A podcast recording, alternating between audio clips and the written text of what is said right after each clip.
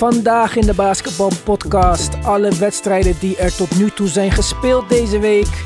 Het nieuws, de updates, we krijgen een assist van Mart Smeets. Kortom, we hebben een hoop te bespreken. Dus laten we maar snel beginnen.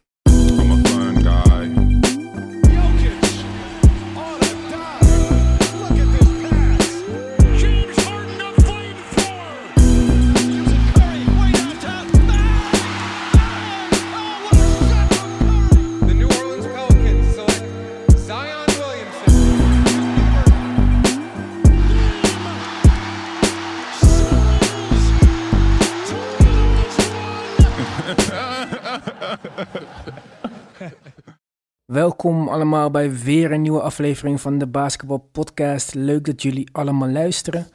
Mijn naam is Ivan. Bij mij in de studio is Mark. Yo. En via een internetverbinding ergens in het verre Leiden hebben wij... David. Ik wou net zeggen, dan moet je wel zeggen natuurlijk. Ja, ik dacht dat jij het ging zeggen. Het is zo leuk dat wij al die dingen goed oefenen. Afsluiters, intro's. Maar goed, Ja, jongens. Het is echt begonnen. We kunnen eindelijk basketbal kijken. We hoeven niet meer te praten over alles wat er omheen gebeurt. Eh, vinden jullie het leuk? Ja, ik vond het leuk hoor. Ja? Lekker veel wedstrijden. Hebben jullie het Ja, gezien? Hebben jullie iets gekeken? Hebben jullie alles gekeken? Nee, je kan niet alles kijken. Ja, kan. het is een beetje moeilijk. Ik, ik, twee wedstrijden per dag. Ik heb het een beetje moeilijk met werk. Maar s ochtends kijk ik een wedstrijden, eh één wedstrijd en s'avonds eh één. Dus eh, zometeen ga ik eh, hopelijk een van de wedstrijden kijken. Nou, ik heb ook een hoop gekeken, maar ik heb ook een hoop niet geslapen. En zo boeiend vond ik het allemaal niet. Dus ik ben een beetje zagrijnig. Ja, er zaten wel wat leuke wedstrijden tussen toch? Jazeker. En ik denk dat we ze ook gewoon even allemaal moeten doorlopen. Maar eerst... Dit is het NBA-nieuws van deze week. Nou, eh, eigenlijk niet veel nieuws sinds de vorige uitzending. eh, Behalve alle wedstrijden die gespeeld zijn, maar die gaan we zo meteen bespreken. Dus het grote nieuws van deze week is dat wij te vinden zijn op social media. Volg ons op Twitter, volg ons op, eh, hoe heet die andere, Instagram. Instagram. Mark, eh, vertel, want ik snap niks van deze shit. Hoe werkt het? Ah, Oké, op Instagram kun je ons volgen eh, met de handle @thebasketballpodcast En hetzelfde op Twitter, @thebasketballpodcast. Facebook komt volgende week en we hebben altijd e-mail. Dus eh jullie dat... De basketbalpodcast at gmail.com. en eh, ja, vanaf de komende weken gaan jullie eh, best veel eh bericht van ons krijgen. En jullie kunnen op de hoogte blijven met ons door de week. En allemaal, eh, allemaal van de ontwikkelingen in de NBA. Nou, mooi. Dus allemaal doen, volgen, maar nog veel belangrijker is subscriben op deze podcast en een 5 sterren rating natuurlijk. Goed. Laten we dan maar beginnen bij het begin. De Pelicans tegen de Raptors zonder Zion. Was het nog de moeite waard? Wat vonden jullie? Nou ja, het werd overtime, dus het was wel spannend. Het is niet dat het een eh, weggooiertje was of zo. Ik vond het nog wel leuk. Het was eh, wel best druk, indrukwekkend. Ik, eh, de defending champs, zoals... eh, ik ga ze het hele seizoen defending champs noemen, want ze zijn wel de champs. Ehm, ik was echt benieuwd over eh, Fred Van Vliet. Volgend jaar gaat hij wel heel veel verdienen, denk ik. Nou, als hij elke wedstrijd zo gaat spelen, Ja. zeker ja. Ja, er zijn best veel eh, opties voor hem. Want ja, Kyle Lowry gaat sowieso niet eh, meer dan 20 keer schieten per wedstrijd. En ja, dan heb je Marcus Gasol en Siakam. En ja, dan is Fred Van Vliet... Ja, hij zit... eh, het lijkt me wel een van de beste seizoenen te zijn. Dat was eigenlijk een breakout candidate. We waren vergeten. Ja, 34 punten, 5 rebounds, 7 assists, 2 steals. Is niet niks. Nee, dat was een aardig, eh, aardige wedstrijd. Maar ook van Siakam. Hè. Ik vond, had ik dat nog voorspeld, toch? Meeste rebounds. Ja, Ja, ja, ja. 34 Ja. punten, 18, 18 rebounds, 5 assists, 0 steals, 1 blok. Vond het Maar best, fouled out. ja, ik vond het best knap eh, Ja. hoe ze... Dat hij gewoon de point guard was aan het verdedigen vanaf het begin. Hè? Dat ze gewoon... dat gewoon Nick Nurse zoveel vertrouwen heeft... dat hij gewoon de beste speler kan verdedigen als het mogelijk is. Het is gewoon super, super goed voor het team. Als je gewoon Siakam altijd op bijvoorbeeld Russell Westbrook... of James Harden bijvoorbeeld, of LeBron tijdens de wedstrijd. Ja, maar ik vraag, me wel toch? af, en ik vraag me wel af of hij dat volhoudt. Want als hij en aanvallend alles moet dragen en defensively ook nog de beste speler moet stoppen. Er zijn niet echt heel veel mensen die dat volhouden. Ja, ja, maar Siakam staat wel bekend om een soort stamina die eh, ver te zoeken is. Qua zeg maar dat, dat, hij, dat hij nooit moe is. Dat is wel zo. Dat hij altijd door kan gaan, dus hij heeft wel een bepaalde drive. En bij de Pelicans, iemand daar opgevallen in het bijzonder? Nou ja, Ingram was best goed, hè? Ja, Tenminste, die zag je wel een beetje dat hij die aanval wel een beetje kan leiden. En, en de backcourt viel tegen. Heel erg tegen. Dit was mijn grootste teleurstelling van, denk ik, opening night. Ik had zoveel verwacht van Drew Holiday. Ik heb altijd positief, niks dan positieve woorden voor hem. En het was echt, eh, nou, ik wil niet zeggen heel slecht, maar het was best wel slecht. Ja, Kijk, oh, nee, Lonzo, oké, nog, eh, ja, ook niet goed, maar zijn status is ook niet daar dat ik verwacht dat hij elke wedstrijd eh, reli- een reliable optie is. Maar Drew Holiday, ik had echt veel meer van hem verwacht. En ook rare schotkeuzes. Ik weet het niet. Ik dacht dat hij de constante factor juist zou zijn. En hij was eigenlijk een van de minst betrouwbare spelers op het dat veld. is natuurlijk allemaal wel heel vroeg oordelen nu, hè, na één wedstrijd. Maar Tuurlijk, maar dat doen wij toch. ja dat is wel ons- waar.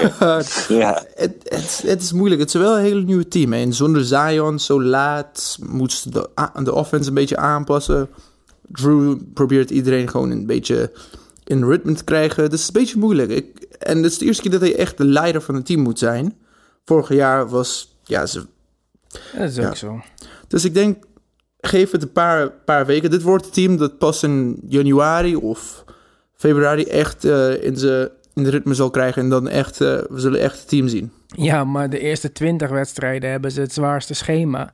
Dus als ze die allemaal verpesten en pas in januari gaan draaien, dan eh, zie ik weinig kans dat zij nog die achtste plek van de playoffs bijvoorbeeld halen. Ja, het wordt lastig hoor. Het wordt lastig voor de Pelicans. Ja, ik vind, ik vind het heel jammer. Ik had, we, hadden allemaal meer verwacht. Dat was allemaal leuk geweest. Is nog geen man overboord, maar goed. Dan de tweede wedstrijd van die avond. De Clippers tegen de Lakers. In de nasleep van het NBA-China-conflict werd LeBron James van de Lakers gevraagd over de tweet van Daryl Morey. Hij had daarover het volgende te zeggen. You know, I just think that, you know, when you're misinformed or you're not educated about something, um, and, and I'm just talking about, um, you know, the tweet itself, you know, you never know the ramifications that can happen. Um, and, um, you know, we all seen what that did. Um, not only did um, for our league, but for all of us in America, uh, for people in China as well. And sometimes you have to think through uh, things that you say that may cause harm not only for yourself but for, for, for the majority of people. And um, I think that's just a prime example of that. Ja, jongens, ik liet dit fragment ook horen aan Mart Smeets. Laten we even luisteren naar zijn reactie. LeBron James, die Daryl Morey praktisch veroordeelt voor het twitteren over een mensenrechten eh, demonstratie in China. Ja, en dat zijn we niet van hem gewend. Alles wat mensenrechten was, dat pakte hij vrij goed aan, moet ik zeggen. Ehm, er zit een voor- en een nadeel in. Eh, hij mag dit zeggen, want hij is Amerikaan. Net zoals Morley mag zeggen wat hij gezegd heeft, omdat hij Amerikaan is. Wat hij zegt is dat de general manager van Houston niet well educated is op dit gebied. Dat vind ik een boute uitspraak. Morley is eh, tweevoudig doctorandus. Hij heeft leren nadenken. Hij heeft eh, twee grote studies afgemaakt. Dus ik denk dat hij nadenkt. En hij heeft mogen zeggen wat hij wilde zeggen. Eh, het is kenmerkend voor de LeBron James van deze tijd dat hij heel snel als een repeteergeweer zijn gedachten over ons uitspreidt. Dan kijkt hij wat de consequenties ervan zijn. Die consequenties nu waren dat een heleboel mensen gingen stijgeren in Amerika. Hij heeft een zeer slechte pers gekregen. Zijn shirts zijn verbrand in Hongkong. Ja, ik vertel het nog maar even. Zijn shirts zijn verbrand op straat in Hongkong. Poppen die op LeBron James leken, werden ook verbrand. Dat is nooit voorgekomen met deze grote held. Hij had ook moeten nadenken wat hij zei. Iedereen moet nadenken wat hij zegt. Ik heb nagedacht over wat ik nu ging zeggen, omdat ik wist dat je het ging vragen. Het is een dermate moeilijke zaak dat er eigenlijk geen right en wrong samen te voegen zijn. Belangrijkste voor de general manager van Houston is dat hij als individu een opmerking heeft gemaakt over de vrijheid. Hij heeft de vrijheid van speech. Die is geldig in Amerika, net zoals die bij ons dat is. En niet in Turkije en niet in China, om maar eens wat te noemen. Ehm, LeBron James heeft altijd, is altijd voorvechter geweest voor mensen die zich openlijk uiten voor vrijheid van speech. En nu ineens moest hij die keutel even terugtrekken. Want, en dat vind ik ehm, het meest opvallende aan alles. LeBron James vertegenwoordigt een groot kapitaal. LeBron James is niet alleen een man die 27 punten, 13 rebounds en 5 assists geeft. Nee, hij is ook een man die een grote firma leidt waar miljoenen in omgaan. En daar kom je op een heikel punt. LeBron James moet zijn in de zomer opgenomen film in China kwijtraken aan de mensen die daarna gaan kijken. En dat betekent dat hij die mensen niet op de tenen wil trappen. Dus de zakenman James heeft ineens ingezien van oeh, niet verder over praten. Zwijgen nu en zeggen dit was het laatste wat ik over dit alles zei. Ja, dus we nemen afscheid van de I won't just shut up and dribble LeBron. En we maken kennis met de politicus LeBron Ja. BV. Ja, eh, dat denk ik wel, ja.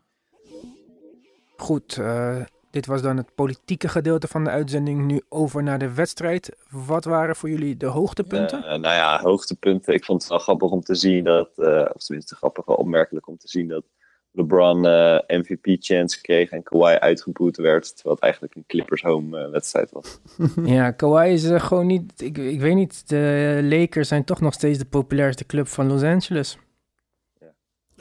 LA, LA is de Lakers, hè. Ik vraag me af hoe lang dat nog eh, zo blijft als het zo doorgaat. Ja, minst, als, als, een, als ze een championship winnen, dan zal het begin iets anders. Dan zal ik. Ja, dan, ja dan, zal het begin, als, dan zal het beginnen met veranderen. Maar als je toen Kawhi probeerde te praten, zag je hoeveel Lakers-fans er eigenlijk waren. En gewoon een half uur na de wedstrijd hadden ze allemaal van die banners weer van de Lakers op, opstaan. Het, ja, hoe En van je dat- Taylor Swift. ja, en van Taylor Swift. dus hoe, ja, het is- het is niet, het is de Lakers town. En Ja, ik goed. zag voor LeBron, het is nog een paar, de eerste paar weken gaat hij echt gewoon de bal alleen maar aan Anthony Davis geven. Want hij wil echt dat de, de offense door hem gaat eh, draaien. En ik denk, mm, ik denk na tien wedstrijden zullen we de echte Lakers team gaan zien. Ook ja, dit is, LeBron is ook een beetje rusty. Je Denk zag het hij was de verkeerde keuzes aan het maken. Hij was, ja, hij, hij zat gewoon niet echt in zijn ritme. En je, mm, dat had ik soort van verwacht na vijf maanden zonder basketbal, toch? Ja, of echt maar basketbal? jongens, kijk, dat, dat zou allemaal goed mogelijk zijn hoor. Behalve dat ik de hele aanval gewoon super slecht vond. Ik weet niet wat het plan was precies. Ik dacht, er komen misschien wat meer high-screen pick and rolls met Davis en LeBron. Dat viel wel mee. De rest van het team, ja, Rondo Ja, was er dan het- niet, maar oké. Bradley, Howard. Als Danny Green niet zo hot was geweest, dan was er misschien een blowout geweest. Het, dit was voor mij echt misschien de eerste keer, eh, ja, hoe moet ik het zeggen? Ja, dat ik LeBron zijn leeftijd zag. Voorheen zag het er allemaal zo makkelijk uit. LeBron zwoof over het veld alsof het voor hem allemaal makkelijker was dan voor de anderen. Ik zag nu gewoon dat hij moeite had. Tegen Kawhi scoren lukt hem niet. Hij verdedigde Kawhi eventjes, lukt hem al helemaal niet. Hij was voor het eerst gewoon niet meer de... Hij was niet meer... Ja, ik vond hem niet meer dominant. Hij kon zijn stempel niet drukken op de wedstrijd. In tegenstelling tot Kawhi, die defensively en offensively in een nieuw team, ook in een nieuw systeem voor hem, toch weer zijn stempel drukt. Die man is een Terminator. Net als vorig jaar in Toronto. Dat gewoon, eh, ja, die Toronto offense een beetje en dan Kawhi die zijn eigen ding deed. Hij is echt een huurling. Je huurt hem in, hij komt, hij scoort, hij killt en eh, hij doet zijn ding. En je wint. Ja, en je wint een titel. Als hij dit jaar een titel wint, het is allemaal heel vroeg, weet ik ook wel. Maar kijk, je hebt gewoon een Clippers team wat vorig jaar de playoffs heeft gehaald, die nu gewoon Kawhi erbij hebben gekregen. En dan heeft Paul George nog niet eens gespeeld. En Anthony Davis deed het heel goed. Danny Green deed het boven verwachting. Maar Ja, alleen LeBron deed inderdaad eh, ja, maar dus als LeBron het onder verwachting doet, dan kunnen ze niet winnen van de, hun, hun stadsgenoot dan al, zonder Paul George. Ja, Ja. Ik, ik weet het niet. En ik zie geen moves ook, dus misschien krijg ik ongelijk, maar ik zie tekeningen, echt tekenen, te- jezus, tekens van veroudering bij LeBron. V- voor, mij, wat dat betreft, je moet ook denken dat in de komende, komende wedstrijden gaat Alex Caruso veel meer spelen. Dat moet sowieso. En dan ga je... Als je hoop van je franchise afhangt van Alex Caruso, maar, dan... eh, eh, laten we even niet laten, best. laten we dit afmaken. Hè? Dan heb je ook Rondo gaat zo gaat meer spelen dan eh, Quinn Cook, die letterlijk alles miste. ja, maar Ron... Ja, Ja, je moet ook laat denken, je dat gewoon... En dan heb je ook Kuzma die terugkomt. Hij is niet de beste verdediger, dat weet ik. Daar ga ik niet eh, allemaal geld eh in zetten dat hij gewoon ineens de beste verdediger zal worden. Maar als je ineens vijf spelers die best goed zijn op het veld kunnen, kunnen gooien, of zes eigenlijk met Danny Green, dan, komt, dan, is, dan zijn jullie wel een stuk beter. Want ze hadden letterlijk drie van de zes van hun zes beste spelers niet gespeeld. Eh, op, eh, Ja, maar ja. speelt dezelfde positie als LeBron en AD. Aangezien LeBron een power forward is en AD geen center Geen wil center spelen. wil spelen. En wat is Kuzma dan? Eh, gaat hij shooting guard spelen of zo? Eh, ja, ik weet het niet hoor. Ik denk, en kijk, Kuzma lost misschien offensively wat op. Of een punch van de bank voor de second unit. Maar net als Rondo, het probleem is aanvallend. Wat gaat Rondo doen als LeBron de point guard is? Gaat hij in de hoek staan? Nou, laat Rondo maar lekker in de hoek staan, wat mij betreft. Ik ben niet bang voor Rondo in de hoek. Hey, Rondo in de hoek is wel redelijk goed. Hè? Daar moet je wel... Ja, maar hij- jongens, we praten over... Dit zou een contender moeten zijn, niet een leuk team. Dit team eh, kan misschien champion worden van eh, de Nederlandse basketbalcompetitie, maar niet eh, van de NBA. Eén wedstrijd, hè? het is één wedstrijd. Ja, gaan, we gaan volgende zien. week gaan we weer dit, dezelfde onderwerp. Ja, LeBron AD ziet er zo goed uit. Ik, vond, dat- ik heb dat zelfs nog gezegd dat ik ze er goed uit vond zien in Summer League. Maar dit was gewoon kansloos. Dit is ook deze hele strategie. En LeBron, ja, ik weet het niet. We gaan het zien. Ik ben bang dat het Vogel niet het einde van het seizoen haalt.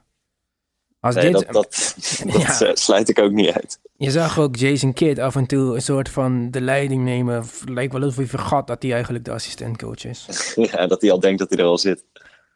Goed, dat was het voor opening night. De volgende nacht waren er een stuk meer wedstrijden.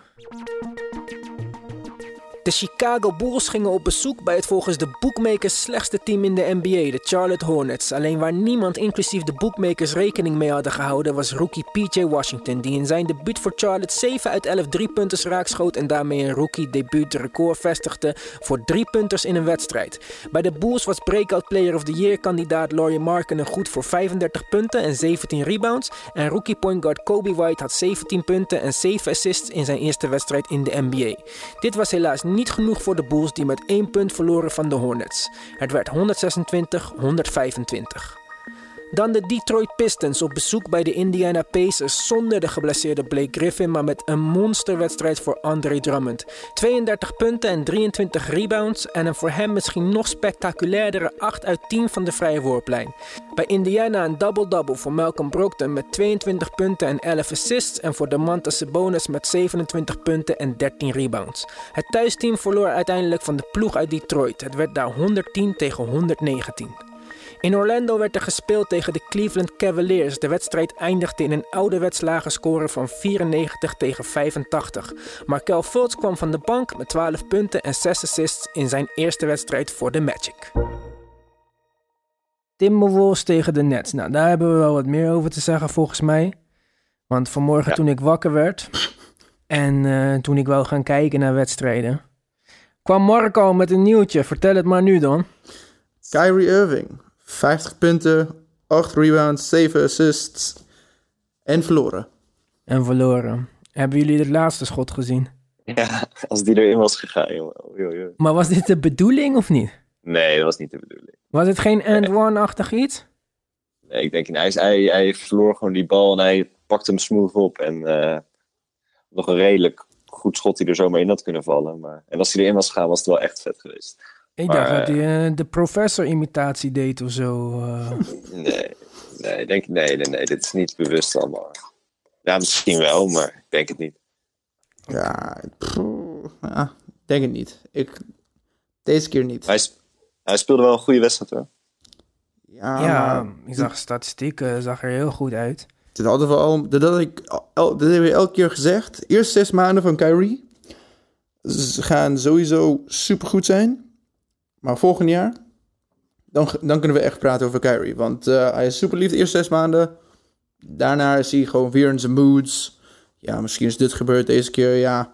En als je ziet naar de hele team, ik denk dat niet iedereen blij is met eh, dit eh vorm. Als je ziet Allen met 6 punten, Levert 20, dan Dunleary alleen maar 14, alleen maar 20 minuten spelen. Ik weet niet of dit... eh, Ik vond het wel goed dat Allen in ieder geval 36 minuten kreeg en dat we niet DeAndre Jordan in Ja. die... eh, Ja, precies. Jared Allen. Die, maar ja, die vrije worp op het eind heeft hij wel, heeft hij ja. wel verneukt. ja, klopt. Ja, Maar goed, laten we hem maar spelen. Dat is de toekomst in ieder geval. Ja, nee, klopt. Nee, je moet hem ook de tijd geven om fouten te maken, zoals dat zo mooi is. En wat vonden jullie trouwens van het veld, van de eh, court? van Dat hele zwarte gebeuren. Ja, een soort grijs, zwart-wit. achter. Blacktop of zo heet het toch? Ja, ik vond het een beetje mooi. Het er een beetje gek uitzien. iets over de top, vond ik het. Ja, pas een beetje Ja. bij de Nets toch? Ze hebben alles een beetje... mwah. Die mascotte is... mwah. Het is, beetje- ja, het is gewoon niet eh, f- fris of... Ja, het is een beetje dark. It's just dark. It's not really pleasant. Hoe zeg je dat in Nederlands? Ja, Ja, ja niet echt, ja, het is niet echt pleasant. maar goed. Laten ze lekker daar spelen. Thank you.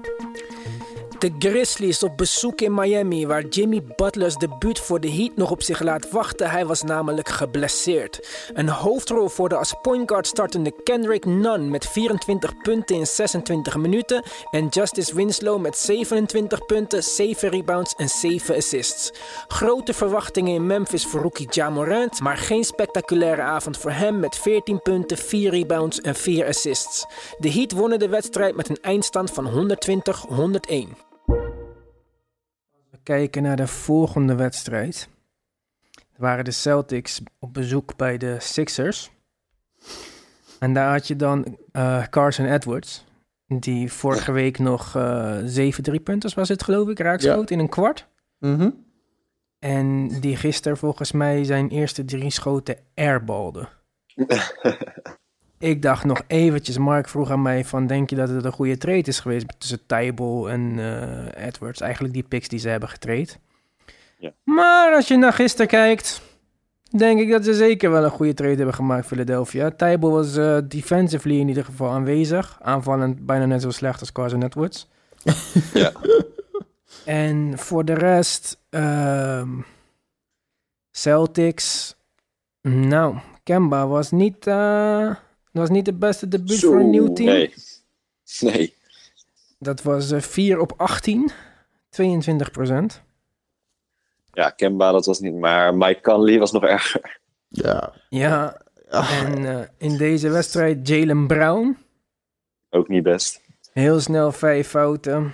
En dan, Kanter, ook niet ja, best. Kenter ook niet echt. Maar in ieder geval, kijk, Kenter heeft niet zoveel gedaan. Maar hij schiet 62,5 procent. Ja, hij want heeft dat heel weinig rebounds. Maar ja, wat verwacht je met Embiid en Horford? En Harris en En Simmons. Tatum pakt er 10. Dus En Simmons, oké. ja. Ja, precies. Dit is niet... Ehm, ik vond Gordon Hayward Ja, die was verrassend. goed, ja. Ja, Ja. dat was eigenlijk de beste speler misschien bij Boston. Ja, dat was wel de beste. Ja, hij hij was sowieso de beste speler, maar ik was een beetje teleurgesteld met zijn assists. Hè? Want normaal gesproken, ik dacht de offense door hem zou runnen, zou iedereen gewoon een beetje ritme krijgen. Maar Ja. niemand, eh, ja, was, niemand was really echt. eh, Maar Marcus. Smart, Marcus Smart dat achter is, dat is ook niet echt normaal. En dat is ook niet zijn ding eigenlijk. Ik vond het gewoon al positief dat hij gewoon een keertje niet, niet aanwezig was. Dus hij was wel aanwezig. Hij was niet niet aanwezig. Hij was er gewoon, eindelijk een keer. Ja. 30 miljoen plus, hé. Hij kwam opdagen, jee. Nou, aan de andere kant iemand met 30 miljoen plus, Tobias Harris. Niet het sterkste. Ja, maar hoe, hoe, ja, als je kijkt naar een beat, een betere, een betere wedstrijd dan een beat. Als je kijkt naar alleen maar de stats. Ja, maar ik heb de wedstrijd gekeken. Waarom was het niet de beste wedstrijd? Ja, mist makkelijke schoten. Hij zou eh, de, de open drie's, of in ieder geval catch and shoot drie's moeten raken. Deed hij niet echt. Hij heeft wel 15 rebounds. Was mij niet opgevallen, eerlijk gezegd, doordat ik de statistieken las. Maar hij maakte zeker niet echt een... Kijk, bijvoorbeeld als je kijkt naar zijn statistieken, 15 punten, 15 rebounds. En El Horford heeft er 16 punten en 2 rebounds. En die schiet 38% Ja, dan, dan lijkt het alsof Tobias goed was. Maar Tobias, hij was niet echt aanwezig in die wedstrijd. Maar is Tobias eigenlijk een speler dat gewoon... Toen ik hem keek, de laatste paar jaren... Ik dacht, hoe, hoe kan deze speler zo goede stats hebben of zoveel verdienen? Maar eigenlijk, ja, hij maakt schoten meestal. Soms niet. Maar hij is gewoon een player dat gewoon... Ja, hoe zeg je het? Hij, hij heeft die intangibles. Ja hoe, ja, hoe kan ik dat uitleggen? Dat, hij, hij doet het gewoon, maar het is niet echt opvallend. Ja, maar hij deed het niet echt gisteren. Want Ja, hij, het was, ik snap wel wat Mark bedoelt met, inderdaad, Tim- Tobias is precies zo'n type speler. Maar het is, daarom is het ideaal om hem als, als derde of vierde, of in dit geval zelfs bijna vijfde man te hebben in je team. Maar je moet, ja, want dan kan dat. Maar gisteren heeft uiteindelijk heeft Ben Simmons heeft hun wel die wedstrijd gewonnen. Ja, was Ben Simmons was de meest dominante speler op het veld. En ja, als je inderdaad, als je naar statistiek kijkt, dan heeft Tobias Harris het prima gedaan. Er was eigenlijk iedereen slechter, behalve Ben Simmons. Maar bijvoorbeeld eh, een George Richardson, die eh, een schot blokte van Gordon Hayward.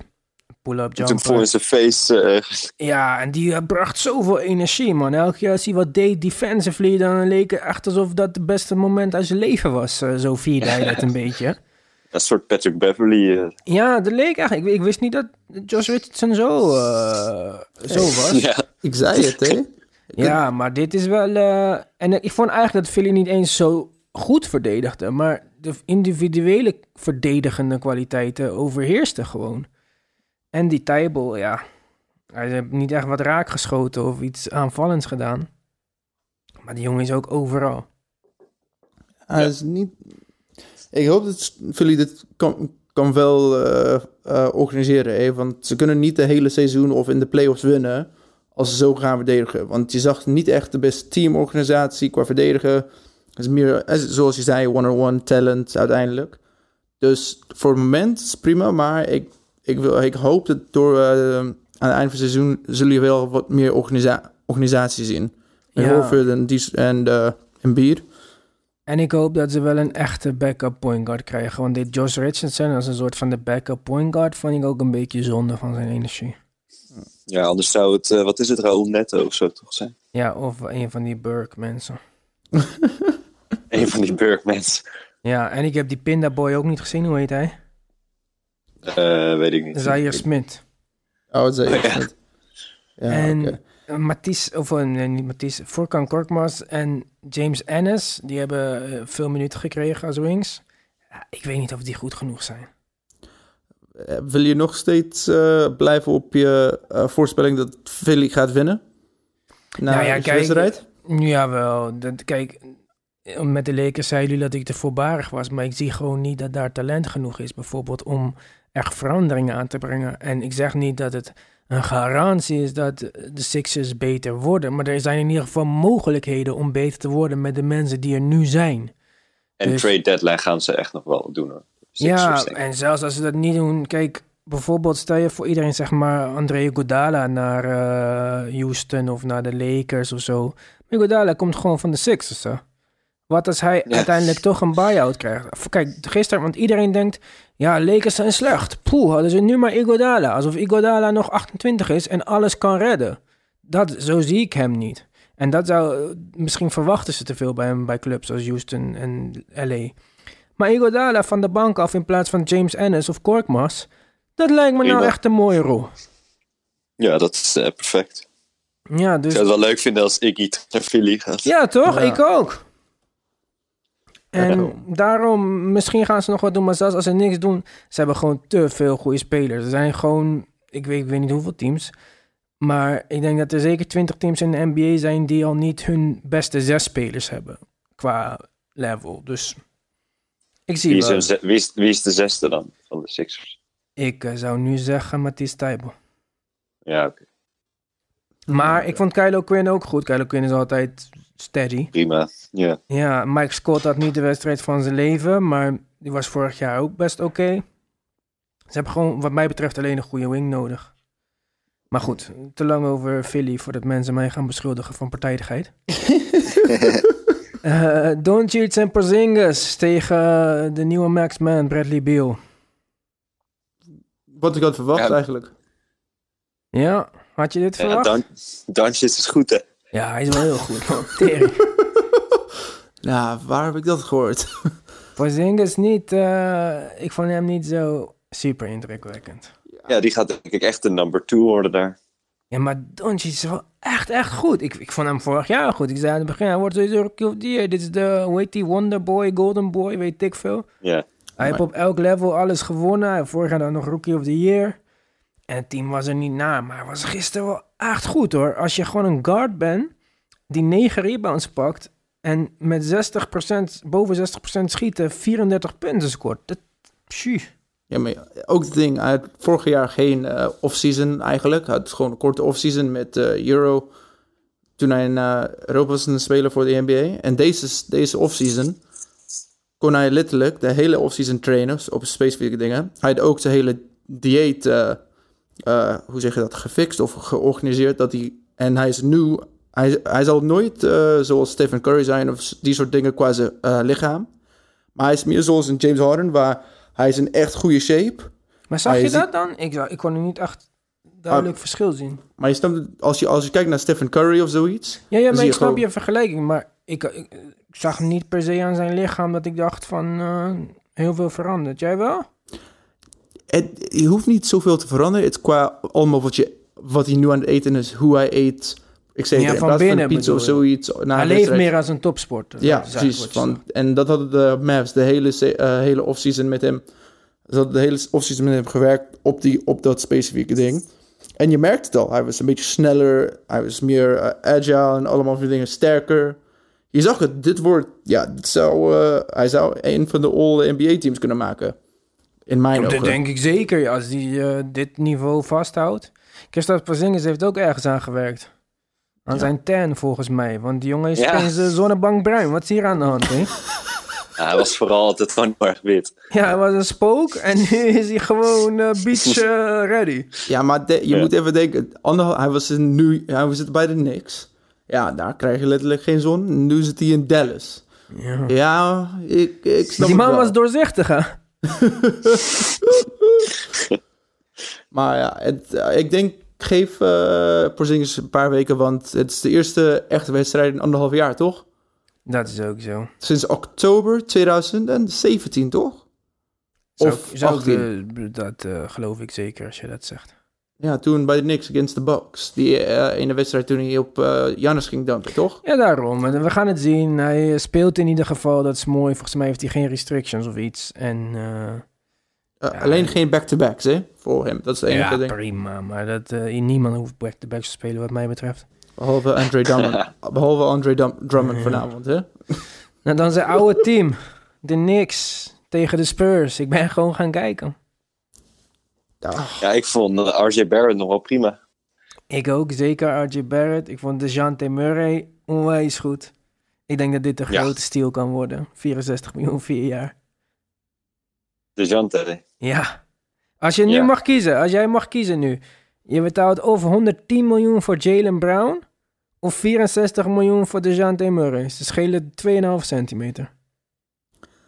Eh, ja één Ja, blessures, hè? Als, als Deontay Murray de hele seizoen gespeeld op, deze, op dit niveau, had hij hetzelfde gekregen. Maar, nou, dit is, eh, ik, was een, ik had het gehoord, dit is de eerste speler die een contract extension, dus een rookie contract extension heeft gekregen, zonder een wedstrijd te spelen in het vorige seizoen. Ja. Dus dat is toch wel, Misschien zegt dat ook veel, hij heeft ja. toch best wel verdiend. En hij is eigenlijk ook gewoon klaar voor zijn leven. Want 64 miljoen is niet eh, uitkering of zo. Nee, en ook bij de Spurs. Dat is wel eh, best veel, hè? En ze hebben eh de Mark, eh Lamarcus eh contract ja, ook gu- guaranteed. Vond Ah. toch wel wat. Nu kunnen ze niet eh, echt tra eh, traden voor eh, deze jaar. Ja, maar ze wou hem sowieso niet kwijt. Waarom weet ik ook niet precies. Ze starten hem op center, volgens mij, naast Trey Lyles. Mhm. Had ik niet verwacht dat Trey Lyles zou starten.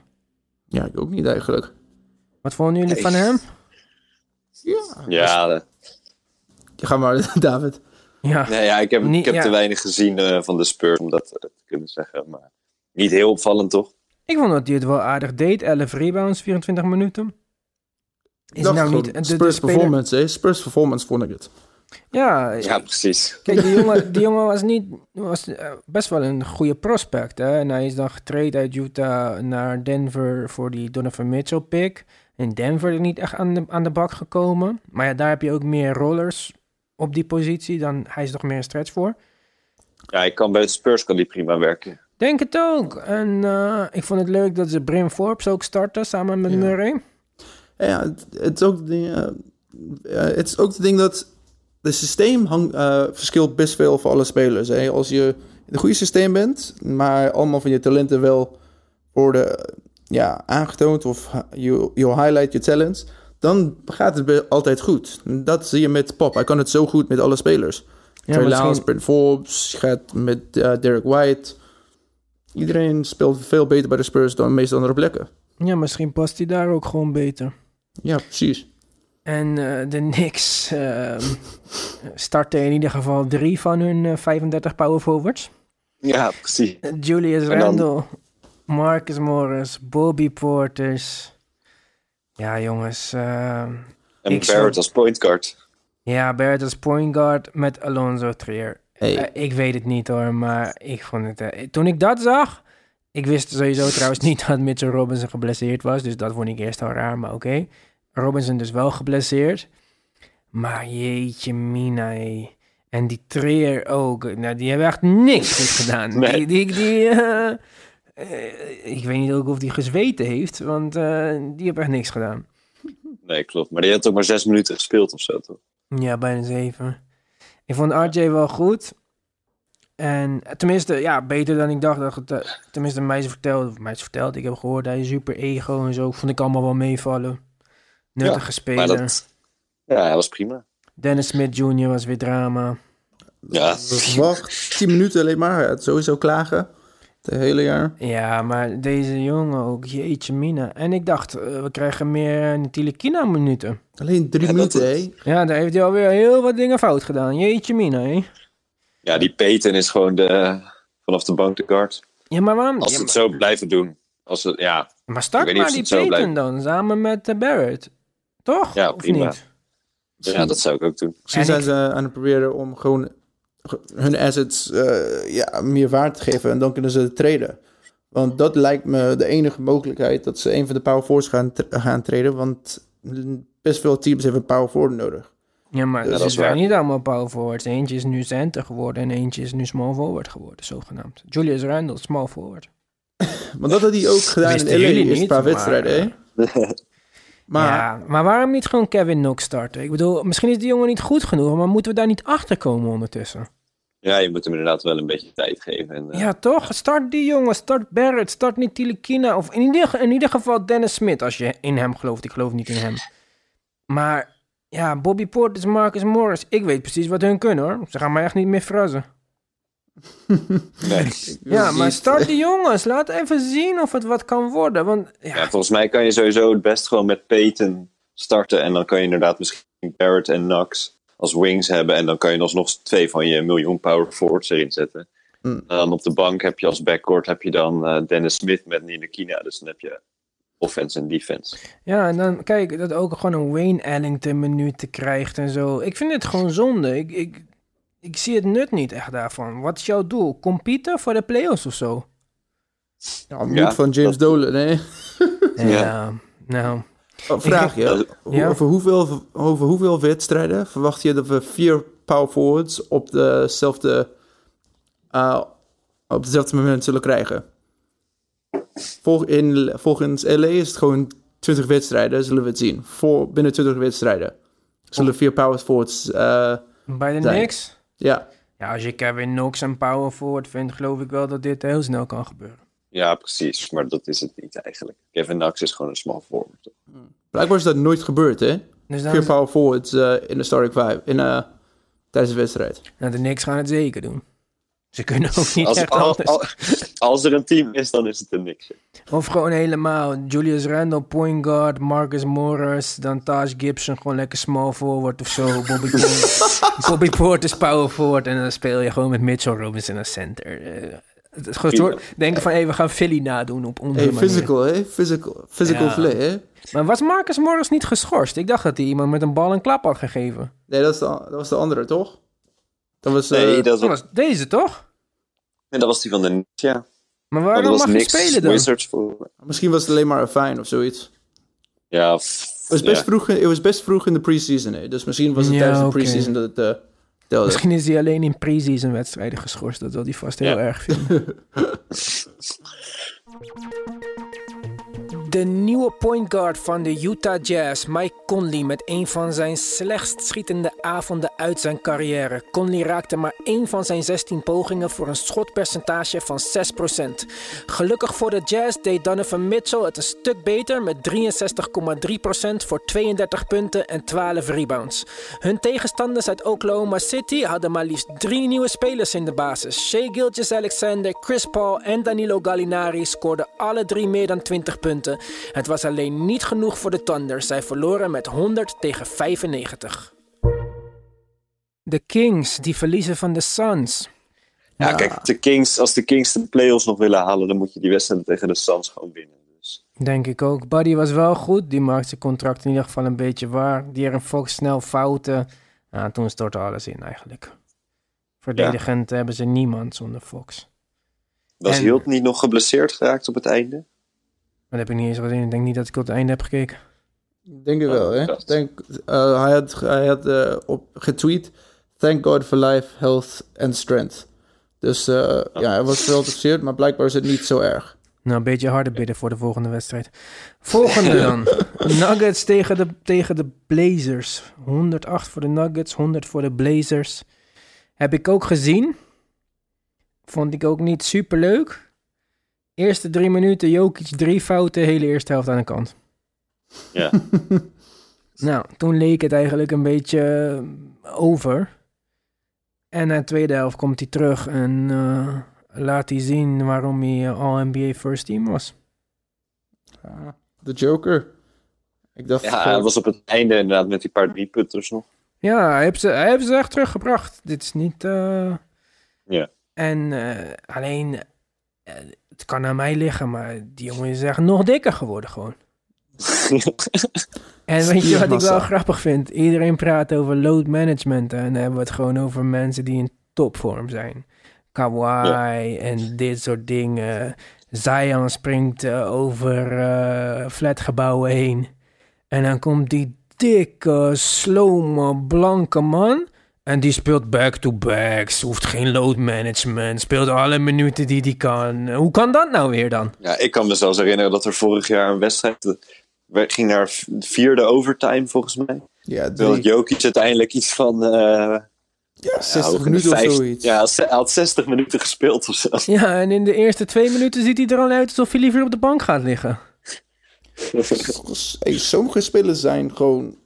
Ja, het is niet alsof hij echt een high-flying game speelt. Hè. Ik denk, hoe, hoe hoog vanaf het grond Ja, springt hij? zijn jumpshot is denk ik, denk dat hij net over een appel heen komt. Ja, dus het is niet alsof hij echt gewoon super eh, ja, sterke benen nodig heeft. Maar hij heeft twee broers, toch? Die, super, die groter dan hem zijn, toch? Weet ik niet. Deze man heeft een boerderij. met Zijn beste vrienden zijn paarden. Hij kijkt alleen tekenfilms. Iemand vroeg, heb je de Joker gezien, de film? Want jij bent de Joker. Nee, maar ik heb vijf uur Spongebob gekeken dit weekend. Die gast is echt raar, man. Maar eh, Ja, dat is wel een beetje een raar gast, ja. ja, Jamal Murray weer, eh, zoals ik eh, niet anders verwacht. 14 punten tegen 28 procent. Ja, nee, dat is niet best. Denk je dat de Nuggets balen van het feit dat ze niet kunnen treden voor Bradley Beal? Ja. Nou, ja. Of in ieder geval niet een optie hebben. Dat was echt een mooie optie geweest voor hun. Ja, ik, ja we zullen zien. Nou, dat was het voor woensdagnacht. Dan waren er nog drie wedstrijden van donderdag op vrijdag. De drie MVP's van de laatste drie seizoenen tegelijk op het veld. James Harden en Russell Westbrook ontvingen thuis in Houston Giannis Antetokounmpo en zijn Bucks. De Greek Freak maakte geschiedenis door als de tweede speler ooit een 30 punten triple-double te noteren in een seizoensopener. Harden schoot maar 2 uit 3 van het veld, maar raakte wel al zijn 14 vrije worpen. En Westbrook deed het iets beter met 24 punten en voegde daar 16 rebounds aan toe. Maar nadat Giannis in het vierde kwart met 6 fouten naar de kant ging, wonnen de Bucks met sterk teamspel de wedstrijd met 117 tegen 111. De Clippers oppermachtig uit bij de Warriors. Het werd 141 tegen 122. Met als topscorer bij de Clippers de eeuwige Sixth Man of the Year kandidaat Lou Williams. 9 assists voor Kawhi Leonard, die nu ook Paas aan zijn arsenaal lijkt te hebben toegevoegd. En een double-double voor Ivica Zubac. Bij de Warriors was Stephen Curry de topscorer met 23 punten. Dan nog wat blessures. Draymond Green werd tijdens de wedstrijd behandeld aan zijn rechter voorarm. Of hij kan spelen de volgende wedstrijd is nog niet bekend. Hij keerde deze wedstrijd al wel weer terug. Batum van de Hornets brak zijn middelvinger en blijft 3 tot 4 weken aan de kant. En slecht nieuws voor de Kings. Marvin Bagley komt minimaal 4 weken niet in actie door een breuk in zijn duim. Als laatste na een sterke start een schorsing voor DeAndre Ayton van 25 wedstrijden voor het gebruik van verboden middelen. Ayton en de NBA Players Association gaan nog wel in hoger beroep. Goed, dat was het voor deze week. Van het weekend weer een hoop wedstrijden. Kan je kijken met je League Pass en anders op Ziggo. Die hebben er volgens mij drie dit weekend. Weet jij dat, David? Eh, ja, toevallig weet ik dat wel. Ehm, de Lakers spelen vrijdag thuis en die kregen de Jazz op bezoek. Dus dat is best leuk. Zaterdag heb je dan de Milwaukee Bucks die thuis spelen tegen de Miami Heat. Jimmy Butler eh, tegen Antetokounmpo als Butler er dan al is. En, eh, de en zondag heb je dan, ik weet niet precies hoe laat, maar wat eerder op de avond in ieder geval. Heb je de, ja, zoiets. Heb je de Thunder tegen de Warriors. Oké, even snelle voorspellingen, jongens. Thunders Warriors. Thunder. Eh, ja, ik denk ook Thunder. Ik zeg Warriors. Bucks tegen Heat.